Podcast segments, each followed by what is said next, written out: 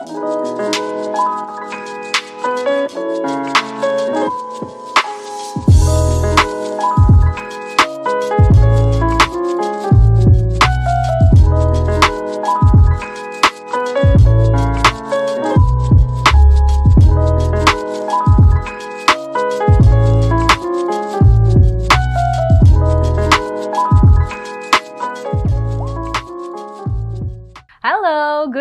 Harakers. Selamat malam. Kembali lagi di Pillow Talks with Rani Setari setiap hari Kamis dari jam 9 sampai jam 11 malam. Yang biasanya kita, kita tuh ngebahas hal-hal yang mungkin Harakers juga bingung nih mau ngebahasnya sama temen, sama keluarga, atau sama siapa. Makanya aku selalu datengin expert. Dan pada malam hari ini datanglah seorang laki-laki yang ganteng di samping aku. Dan pastinya kita sedang ngamar, sedang ala-ala sleepover, ala-ala staycation di The Westin Jakarta. Di lebih tepatnya di Westin Suite yang menurut aku sih super duper megah ya. Yes. It's very very nice, very comfortable. Nah, pastinya malam hari ini aku pengen kenalin dulu dong seorang personal trainer, iya. Founder dari White Noise ID, iya. Co-founder juga dari Simplified Fitness juga iya. Dan ini dong book author dari buku Sleep Healing yang juga baru saja keluar. Bapak Vishal Hi, Dasani. Rani. How are you? I'm good, how are you Vishal? I'm good, thank you. Wih, pastinya looking good juga ya. Karena kan healthy lifestyle gitu loh. Oh, yes. Nah, Harakers pada malam hari ini tuh gue sengaja banget nih datengin Vishal karena dari profilnya aja gue tertarik, ya kan?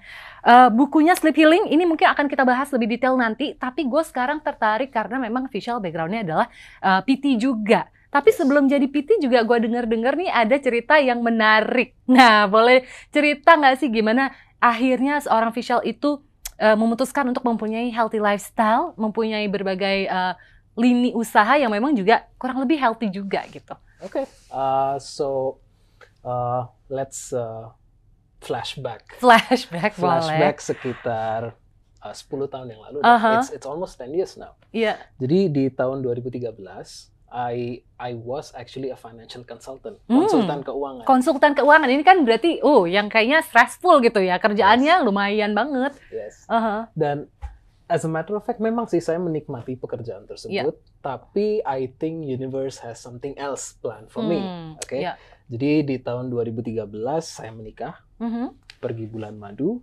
Pada saat pulang bulan madu, berat badan naik 15 kilo Oh. dalam 21 hari. Dan itu disebabkan karena jet lag. Jet lag. And that time persepsi saya adalah kalau finance bros atau Mhm. orang-orang finance, we need to look a certain way. Yes. So harus harus lean, harus Necis, look good all the all time. the time, Mhm. ya kan biar closingnya juga cepat. Betul. ya kan? And in my head that time, oke sebelum saya bisa lanjut sebagai the finance guy, Mhm. I need to look good first, Hmm. ya kan? So I started training, uh, I started dieting, Dieting, Oke. aha. dan waktu itu saya merasa bahwa this is a compulsory thing for me to do. Iya. Dan waktu itu saya sign up in a gym, waktu itu uh, saya masih stay di Jogja, Mhm. dan di Jogja gym-gym yang bagus attach sama Hotel. hotel.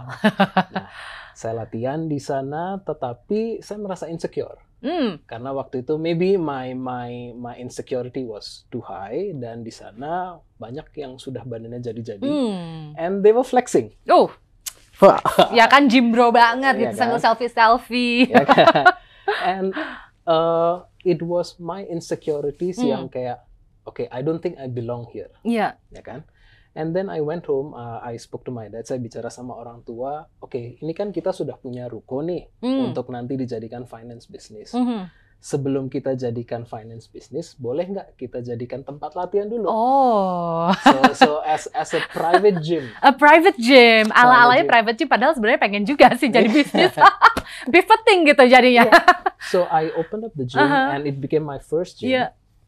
Then I realized that okay, I think it's promising. Iya, Jadi betul. bisnis di industri fitness Iya, dan kesehatan, kesehatan. it's it's money making. Betul. Dan that's when I decided, oke lah, finance-nya mundur dulu, Aha. fitnessnya maju dulu. Hmm, ini interesting ya sebenarnya uh, dari awalnya. Tapi sebenarnya this is uh, I think the best thing to do ya. Ketika kita kayaknya kepentok sama satu masalah, eh malah justru kita Yes. dibelokkan sama universe ke hal yang lebih menguntungkan dan lebih menyenangkan lagi buat True. kita. True, true. nah, kalau dari Vishal sendiri, ini kan awalnya menjadi uh, seorang personal trainer karena tadi itu sebenarnya nggak sengaja juga kecemplung gitu. Jadinya berbisnis, ya kan? Terus kamu memang suka kebetulan dengan yes. si fitness tersebut gitu. Tapi kalau dari Vishal sendiri, uh, how do you see healthy lifestyle? Soalnya aku yakin nih, uh, hackers juga banyak mungkin yang kayak Vishal juga. Aduh, gue ngerasa nggak pede, mau kerja kok badan gue kayak gini, bla bla bla gitu. Tapi sebenarnya kalau dari Vishal sendiri, hmm. healthy lifestyle for you itu apa? Oke. Okay. Uh, it took me some time to come to this perspective. Yeah. Jadi uh, kalau buat saya sekarang, healthy lifestyle is energinya tinggi, mm -hmm. bisa berfungsi secara optimal. Yes. You can have fun, but your health markers are good. Hmm, apa tuh health markersnya? Soalnya kan ada beberapa pasti. Betul. Let's say that uh, kolesterolnya tidak terlalu tinggi, Betul. terus let's say uh, glucose levelnya juga sesuai dengan uh, parameter yang bagus, mm -hmm. dan masih banyak checklist-checklist yang lain. But overall healthy lifestyle buat saya itu adalah we can uh, function well. Betul. We can have fun, mm -hmm. and then yeah, we are healthy. Nah, jadi healthy lifestyle itu sebenarnya nggak perlu atau melulu mikirin musingin soal aduh gue harus diet uh, eat a really strict certain way gitu. Benar-benar harus strict banget dietnya atau harus tiap hari banget uh, fitnessnya exercise olahraganya. Sebenarnya nggak harus kayak gitu ya Vishal ya? Nggak harus. Nggak harus ya? So the the answer sebetulnya uh -huh. balance is is the answer. Betul. Finding balance in what you do ah, doing doing jadi gini yang yang saya pelajari juga over the time is pada saat kita melakukan hal-hal yang sehat, mm-hmm. tetapi over, nah, jadinya nggak sehat, sehat juga. juga. Yes. Yeah. so finding balance uh-huh. in doing healthy things is a healthy lifestyle for me. Hmm, ya, jadi keep choosing a healthier atau a balanced uh, yes. lifestyle sebenarnya it's being healthy gitu ya. Nah, tapi kan as a personal trainer, ini nih aku uh, pengen nanya nih, soalnya pasti banyak orang uh, yang datang ke Vishal gitu, hardworkers mungkin punya banyak komplain gitu. Aduh, aku pengen ngilang, kalau perempuan mungkin ya, aku pengen ngilangin fat di bagian tertentu misalnya, atau kalau laki pengennya, oh gue pengen masli banget bro. Ya, ya, ya, ya. kalau Vishal sendiri paling sering dengar tuh komplain apa sih dan what's your your response to it gitu. Misalnya, soalnya kan setiap orang punya body type yang beda-beda. Pasti ini juga butuh exercise yang beda-beda. Yeah. Terus gimana? How? Uh, dua hal yang sering saya temui di lapangan, mm. And 95% of my clientele wanita. Oh ya? Yes. Oke. Okay. 95%. Dan mereka selalu mengatakan bahwa I want to lose weight, ingin yeah. turun berat badan. Betul. And I want to tone.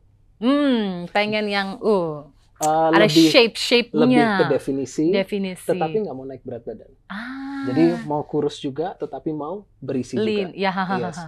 And in my head, yang nggak ada salahnya sih punya body goal betul, tertentu. Betul. It's it's a very valid goal. Iya dong. Cuma yang suka uh, saya permasalahkan adalah mau ke sananya gimana. Mm, Do true. you adopt unhealthy lifestyle? Karena sebetulnya kalau untuk menurunkan berat badan nggak makan aja bisa. Betul, nggak makan tiga hari. Timbangan langsung dulu. gitu ya. ya kan? Cuma kan that's not the option we yeah. want to take. True. Kita mau bahwa oke, okay, you achieve your fitness goal, mm -hmm. tetapi dari aspek kesehatan, kalau wanita salah satu parameternya kan siklus menstruasi ya. Ah, oke. Okay. Dan jangan sampai itu terganggu.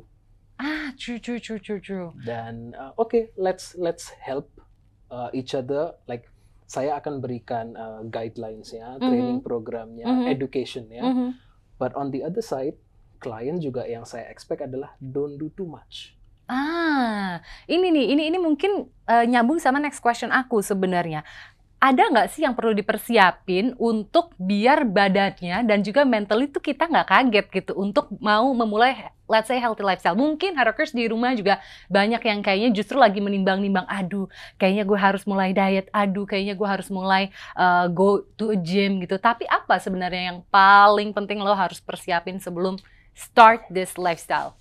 Uh, yang perlu dipersiapkan ya Rania, menurut saya adalah buffer zone apa tuh buffer Maksudnya zone? buffer zone di sini adalah kita ada kemungkinan tidak bisa mencapai target dalam waktu yang kita tentukan.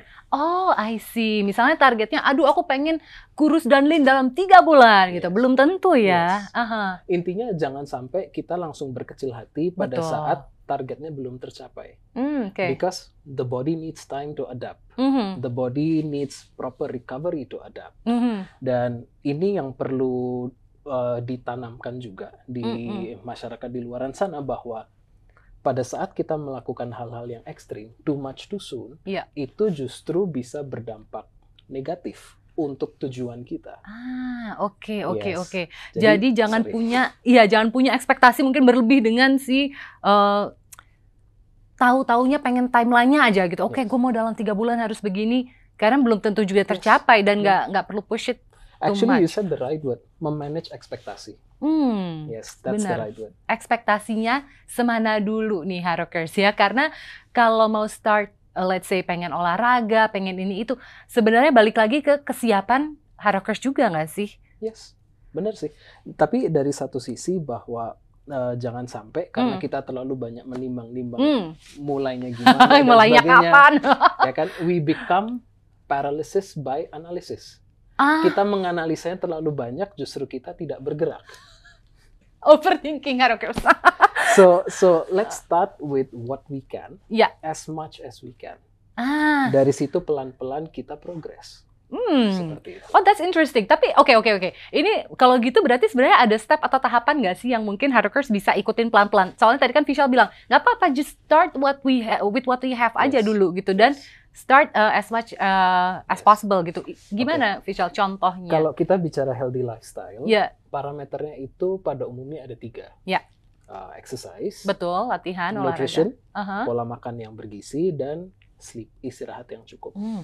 Nah, Tiga. dari ketiga ini, mungkin akan sulit kalau kita langsung melakukan ketiganya secara bersama. Betul. Because starting something new akan lebih mudah kalau kita melakukan sesuatu hal yang buat kita, Ya. itu kita anggap mudah. Ah So betul. dari ketiga ini, you can see mana yang mudah buat kita. Hmm. You can pick one. Iya. Start with one. Nah, kenapa pick one is enough? Karena begitu kita pilih salah satu, kedua lainnya itu akan kena efeknya. Karena ketiganya ini saling berhubungan. Ngikut ya. Ngikut. Jadi pilih salah satu dulu. Mungkin kalau memang terlalu berat bebannya buat Harokers, pilih di antara tidurnya yang diperbaikin, atau makannya yang diperbaikin, atau mungkin trading atau olahraga exercise yang diperbaikin. Gitu Yes. dulu ya Visual. Yes. Tergantung lo pengen start di mana dulu. Yes, Dan itu ternyata nyambung. nyambung. Really? Gimana caranya? Misalnya gue anaknya eh, suka makan, berarti Yes. gue yang gue perbaikin makanannya dulu. Itu akan ngefek emang ke oh, eh, cara gue tidur, cara gue olahraga, itu ngefek Visual. Ngefek. Let's say contohnya gini deh. Uh, Rani hobi makan. There's nothing wrong with hobi makan. Betul, Ya kan? tuh kan nggak apa-apa Harokers. Please enjoy your foods.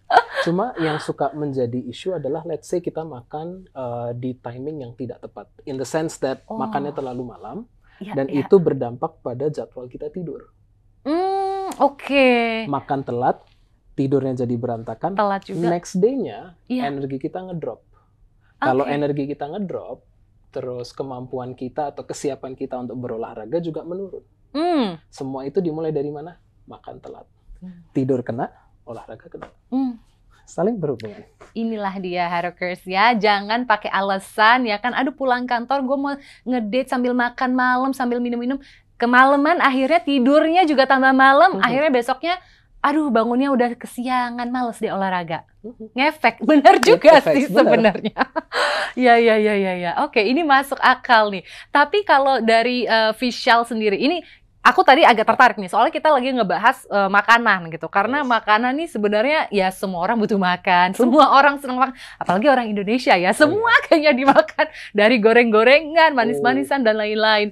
Sebenarnya kalau dari sisi nutrition ya Mhm. banyak juga hackers yang mikir ah udahlah gue tuh nggak terlalu butuh dengan yang namanya olahraga. Karena Oke. menurut gue dengan diet yang ketat aja tuh gue bisa mencapai body goals gue. Menurut lo gimana Vishal? Kalau dilihat hanya dari diet, Mhm. kalau kita bicara body goals, mungkin akan sulit. Sangat sulit. sangat sulit ya Sangat sulit. Kalau kita bicara hanya dari segi penurunan berat, berat badan, badan it's doable. Iya. Cuman jangan sampai karena timbangan kita turun, kita merasa bahwa oke, kita merasa bahwa that's healthy. Padahal yang namanya kurus nggak equal healthy. Betul. Yes. I agree to that. Iya, iya, iya. Bisa jadi efek-efek lain yang yang kena kena dampaknya. Let's say pada saat kita berat badannya turun, Mm-mm. strength kita menurun. Oh, pastinya. Kemampuan kita berpikir juga menurun karena fokus akan menurun. Oh, pantes yang terlalu dietnya ketat karena kadang kalau diajak ngomong lemot gitu. yes. Dan sudah ada banyak studi juga yang menyebutkan pada saat kita dietnya terlalu ketat, Iya. tidur juga keganggu. Oh ya, Yes. ngefek ya? Ngefek. Karena mungkin kalau dietnya terlalu ketat, sebenarnya asupan nutrisinya kurang cukup, akhirnya tidurnya jadi kayak gelisah atau sering terbangun di malam hari. Itu Yes. ngefek nggak sih kayak Ngefek, gitu? Ngefek banget. Oh, oke. Jadi let's say let's say tubuh memerlukan sekian banyak kalori. Iya. Let's say. Iya. Dan kita sedang melakukan diet ketat di mana kita makan hanya setengah dari kebutuhan dasar kita. Betul. Oke. At the end of the day, tubuh kita akan bilang kamu itu perlunya segini banyak. Hmm. Kalau cuma dapat segini banyak, oke gini deh. Siapa tahu kamu belum mendapatkan kesempatan mencari makan. Here, otak akan merilis energi ke tubuh kita, Mhm. ya kan, dan akan membuat kita stay alert untuk mencari makan. Oh, I see. That's the simple terms. Iya, iya, iya, iya. Ya. Jadi ketika kurang makan dalam satu hari yang harusnya sekian kalori dan kurang, akhirnya justru at night itu malah jadi stay awake karena ya Scanning Tubuhnya, makanan. iya ya. tubuhnya butuh makanan sebenarnya. Oh gitu ya. Oh ini ini interesting. Oke, kalau gitu mungkin pertanyaannya adalah ideally sebenarnya exercise dan juga nutrisi atau makanan yang setiap harinya. Ideally itu berapa banyak eh, kali dalam satu minggu untuk exercise dan tiap harinya makanannya tuh sebenarnya harusnya tiap jam berapa mungkin let's say. Karena Oke. tiap hari aku tahu ke- kebutuhan kalori orang-orang beda, cowok Yes. dan cewek pasti beda, tapi at least mungkin secara jadwalnya deh yang Oke. ideal seperti apa? Kalau kita bicara dari prinsip dasar nutrisi, yang paling penting kalau kita bicara dari energy balance, Mhm. ya itu bicara berapa banyak makanan yang kita uh, Iya. konsumsi. Dan semua orang akan memiliki kebutuhan yang berbeda-beda. Betul. Yang kedua adalah dari jenis makanan, jenis makro yang masuk. Hmm. Apakah kita mendapatkan karbo cukup, terus mendapatkan protein cukup dan lemak cukup, Mhm. ya kan? Dan yang ketiga kita bicara mengenai uh, meal frequency, berapa kali kita makan Berapa kali? dan kapan makannya atau meal timing. Tetapi kalau kita lihat dari gambaran besarnya Rani, meal timing sama meal frequency itu perannya tidak sebesar Mhm. meal quantity sama meal quality, Oh, jadi yang paling penting kualitas dan kuantitas. kuantitas. yes. Oke, jadi s- ok- ideally let's say untuk keperluan let's say visual sendiri deh, nih laki-laki Oke. di umur sekian gitu, Oke. kurang lebih Melihat uh, let's say my own personal Iya. experience, saya setiap hari makan empat kali, what? Empat kali? empat kali. really? Dan Oke. dan ini saya buat konsisten dari Iya. jam 8, Mhm. 12, 3 dan 6. Ah, oke. Jadi si sarapannya ada, tengah hari ada, Snacknya ada, Snack dinnernya ada. dan dinner. Ya. Dinner itu berarti kamu selesai sekitar jam 6. Jam enam setengah tujuan. Oh, oke. Berarti setelah itu kamu intermittent fasting tuh dari Everyone does intermittent fasting. Exactly sih. Exactly. Sebenarnya ketika kita tidur itu juga udah intermittent. Yes. Dan alasan kenapa saya berhenti di uh, setengah tujuh atau Ya. max jam tujuh lah, Mhm. karena I sleep by 10:30 11. Ah, Oke. So ada jeda 3 sampai 4 jam untuk tubuh bisa memproses makanan. So I sleep dalam kondisi yang tidak terlalu lapar Ya, dan, dan tidak, terlalu, kenyang. So I'm good. I see. Jadi sebenarnya kalau makan kalau bisa itu 3 atau 4 jam sebelum waktu tidur. Yes. Dan pastinya kalau tadi eh, setelah bangun tidur eh, sarapan dan Mhm. makan siang dan snack ternyata perlu ya. Tergantung sih. Aha. Again, it depends. Iya. Sem- uh, di dunia health, fitness sama wellness itu jawaban paling banyak adalah it depends. Iya. Kebutuhan masing-masing orang. Yes, kebutuhan iya. masing-masing akan Ha-ha. berbeda dan kalau kita bicara nutrisi kan akan baik, uh, lebih baik pada saat kita konsul sama ahli gizi. Betul, Ya nutritionist. Harus disesuaikan juga dengan preferensi kita. Betul. Itu bagaimana, terus jadwal kita sendiri bagaimana. Hmm. Karena kalau kita dipatok harus makan tiga kali, empat kali, dan jadwal tidak memungkinkan, tambah sulit lagi. Iya, iya. Yang ada malah kalau kata official ini ada stresornya gitu. Malah jadi stres badannya karena Betul. dipaksa untuk makan tiga kali, empat kali. Tapi mungkin juga ada sih orang-orang yang dua kali tapi cukup. Itu ya again ini tergantung kebutuhan dari masing-masing hard rockers. Tapi kalau kita ngomong dari segi fitness ya, kita tadi Yes. udah ngomongin makanannya. Tapi kalau dari segi Ya, ya. uh, fitness, exercise, olahraganya, paling mentok misalnya dalam seminggu empat kali udah cukup atau sebenarnya enam kali tujuh kali boleh dalam uh, seminggu Uh, semua it depends. Kembali lagi it depends. Depends lagi. Tergantung sama goal kita apa. Betul. Sama kita sendiri masuk ke dalam kategori apakah are we athletes atau kita Betul. gen pop.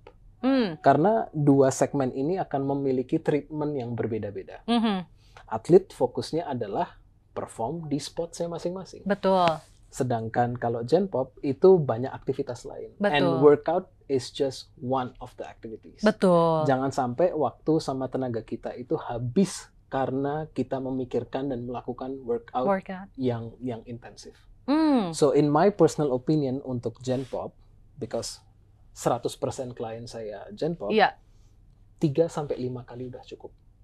Ah, cukup ya, karena kita Yes. juga pastinya punya kegiatan lain, entah kalau yang memang sudah berkeluarga, ngurus anak, suami, Yes. istri, dan lain-lain Yes. gitu ya. Tapi kalau yang belum, ya kita punya kegiatan Yes. lain, pekerjaan, dan lain-lain. Mungkin ini yang harus dipertimbangin. Jadi 3-5 kali cukup, Yes. dan mungkin jenis exercise ya. Memang exercise itu kan tergantung goalnya, tadi Yes. Vishal bilang. Tapi at least yang mendasar, yang Mhm. hard rockers harus lakukan at least tadi 3-5 kali dalam satu minggu, apa yang paling penting dilakukan? Oke.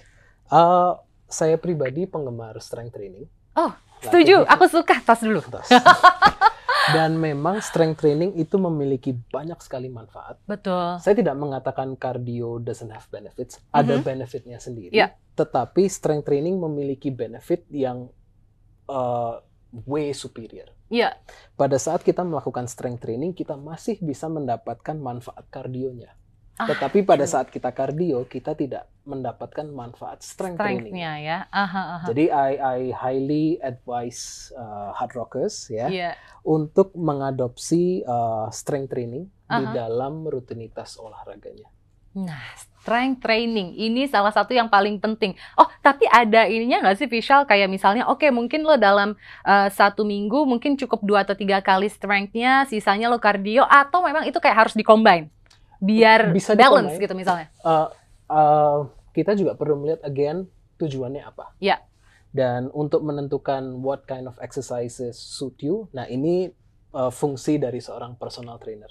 Nah, mereka tektok dengan personal trainer, Betul. cari tahu jalan temu, jalan tengahnya bagaimana, what kind of exercises. Nah, dari situ baru jalan. Nah ya, jadi tetap ingat si strength training memang perlu. Terus kalau lo memang butuh kardio, sebenarnya soalnya tanpa kita sadarin kita juga udah kardio nggak sih tiap hari mungkin kejar-ngejar bis. Itu kardio juga ya kan? Tapi gini, Rani, uh, yang perlu kita pahami juga, kalau yang namanya training itu harus terstruktur, Setuju, konsisten maksudnya visual ya. konsisten Ada dan terstruktur, ada planningnya. ada planningnya. Yes, Oh makanya di sini butuhlah peranan si personal trainer gitu. exactly. Oke, Ja- yang ideally itu seperti apa? Misalnya bikin kayak strukturnya, berarti maksudnya maksud visual apakah benar-benar oke di bulan pertama lo harus ini, bulan kedua begini, bulan harus gitu ya? Yes. Karena Wow. gini, uh, kita berlatih itu karena ada tujuannya. Iya. Nah, untuk mencapai tujuan ini, latihan kita harus didesain sedemikian rupa hingga bisa mengantar kita ke tujuan tersebut. Hmm, Ya, inilah gunanya personal trainer. Jadi lo emang harus benar-benar tahu dulu goalnya, ya kan? Tahu dulu goalnya dan cara menuju ke sana itu gimana gitu. Jadi exercise-nya benar-benar tepat dan pastinya eh, nggak cuma di satu jenis atau satu tipe eh, exercise aja gitu ya karena memang harus tetap di-combine. Nah, tapi kalau kita lagi dari tadi udah ngomongin exercise, ngomongin nutrisi, makanan gitu. Tapi sebenarnya ini ngefek nggak sih buat let's say uh, self esteem, Oh, iya, Terus iya, iya. our uh, body image, terus our emotional needs. Itu ketika kita lagi olahraga itu tuh ngefek nggak sih? sangat efektif. Sangat ya. Sangat sangat. Jadi pada saat kita melakukan olahraga dengan terstruktur, Hmm. ya kan, manfaat yang non estetika itu juga sangat banyak. Hmm. Secara mood kita ke uplift karena Iya. olahraga itu uh, merilis endorphins di tubuh kita, Betul. so we feel good. We yeah, we become happy after we Yes. work out. Ya. Terus dari segi self esteem, let's say pada saat kita sedang latihan beban, we are supposed to uh, lift heavy. Ya. And we start talking to ourselves, oh kamu bisa, kamu bisa. Ah, kamu jadi bisa. kayak mengafirmasi diri kita, Yes. we can do it gitu And ya. pada saat bisa, itu confidence boosternya jadi luar biasa. Pantes gue pede banget Harkers. Terus ditambah juga pada saat kita latihannya terstruktur Uh-uh. dan recovery-nya bagus, Heeh. uh, dalam jangka waktu uh, yang cukup lama, kita akan mulai merasakan energi level kita naik. Ah, I see. Jadi tuh kayak balance-nya tuh tepat gitu. Jadi uh, ketika kita olahraganya benar, nutrisinya benar, istirahatnya benar, recovery-nya benar, yeah. lama-lama justru pelan-pelan malah energinya naik, naik gitu yes. ya. Yes. Oh. Dan selain itu uh, exercise yang terstruktur itu akan memberikan kita semacam kemampuan untuk bisa menghandle stresor-stresor di luar sana. Oh, such as? Soalnya stresor di luar nih berarti bukan yang dari diri kita. Yeah. Contohnya? Let's say for example stres pekerjaan, uh -huh. terus stres dari pihak ketiga atau stres uh, dari finance atau in the in the sense that pada saat kita mengalami tekanan dari luar. Dari luar. Karena kita sudah terbiasa menghandle stres, tubuh kita sudah terbiasa mm -hmm. menghandle stres. Training is a stressor by the way. Yes. Dan pada saat kita sudah terbiasa menghandle stres, kita akan semakin oke, okay, ini ada stres, oke, okay, I can do it. Oh wow, jadi sebenarnya ngefeknya sampai ke situ. Sampai ke situ. Karena badan kita udah biasa stres dengan melakukan olahraga yang uh, repeatedly gitu, mm -hmm. yang terstruktur tadi. Jadi ketika ada stres hantaman dari luar, pekerjaan, bos, ina, inu, pacar uh, nyebelin, ini malah jadi kayak ya oke, okay, I can handle it, biasa aja yeah. gitu jadinya. Karena kita sudah terbiasa wow. uh, tackle challenges. Hmm, jadi mindset kita gue. itu ke switch, oke, okay, any challenges, bring it on. Bring it on, I can do it. Yeah. Wow. That's that's the beauty of uh, structured exercise. Hmm. Oke, okay. ini ada uh, one last question sebenarnya. Soalnya tadi aku tertarik Vishal sempat uh, ngomong masalah recovery. Oke. Okay. This means uh, adalah resting. Ini adalah uh, yang ketiga. Tadi kan yang pertama adalah uh, olahraga, kedua adalah nutrition atau makan, yang terakhir adalah recovery-nya. Yes. Istirahatnya seberapa penting dan gimana cara yang paling ideal untuk recover after the workout? Oke, okay, kalau kita bicara recovery, Rani, itu tekniknya sebetulnya banyak. Mm -hmm. Mau itu dari uh, massage, foam rolling, stretching dan sebagainya. Betul. Tetapi tidak ada yang bisa mengalahkan yang namanya tidur yang cukup. Tidur yang cukup. Yes. Ingat ya, tidur yang cukup, yes. Tidur yang cukup adalah berapa jam per hari? Uh, kalau orang dewasa, uh -huh. based on the general guideline itu 7 sampai 9 jam. 7 sampai 9 jam. Yes. Tapi kalau misalnya ada yang ah, gue ngerasa uh, eh, 5 sampai 6 jam cukup? Well, kita lihat pagi hari does that person cari kopi atau tidak. Waduh, ini kayaknya bakal panjang lagi nih obrolannya akan makin seru lagi kalau kita ngomongin masalah tidur secara ya visual ini baru ngelarin buku tentang sleep healing ya. Nanti kita akan ngebahas lebih detail lagi mengenai sleep alias tidur, tapi uh, intinya adalah sebenarnya kita dari tadi sudah ngebahas workout, ngebahas healthy lifestyle and how the nutrition, how kita membuat uh, struktur yang pas yeah. dan juga goal yang memang ingin kita capai dulu sih Hackers. Jadi apa pun yang datang ke kita karena kita udah biasa latihan, kita udah biasa uh, punya struktur atau konsistensi yang jelas sama diet kita dan cara olahraga kita ini semuanya jadi lebih gampang lagi yes. nantinya ya. Vishal ada lagi mungkin yang pengen disampaikan ke Hackers mengenai healthy lifestyle and maybe how to uh, really have a good workout Well, uh, pada saat kita mengadopsi healthy lifestyle, uh -huh. we actually kita sedang meningkatkan kualitas hidup kita. Oh, that's true. Yeah. Quality of life kita ya. Yeah. Jadi it's an all around thing. Yes. Hmm, aku setuju. Aduh, terima kasih banyak Vishal udah mau ngobrol-ngobrol di episode kali ini. Wah, seneng banget sih ngebahas sesuatu yang healthy. Semoga Hackers juga senang mendengarkannya pada malam hari ini. Tapi tenang aja kalau Hackers mungkin tidak bisa mendengarkan episode hari ini, tenang aja karena masih akan muncul di podcast Ruang Siar Juara di Spotify-nya MRA Media dan juga akan hadir juga versi visualnya di YouTube-nya Hard Rock FM. Terima kasih banyak Vishal Dasani. Terima kasih banyak juga untuk untuk The Westin Suites dari The Westin Hotel yang sudah menyediakan kamar yang cantik ini. I'll see you again next week in the next episode, Hackers. Bye-bye. Have a good night. Bye-bye.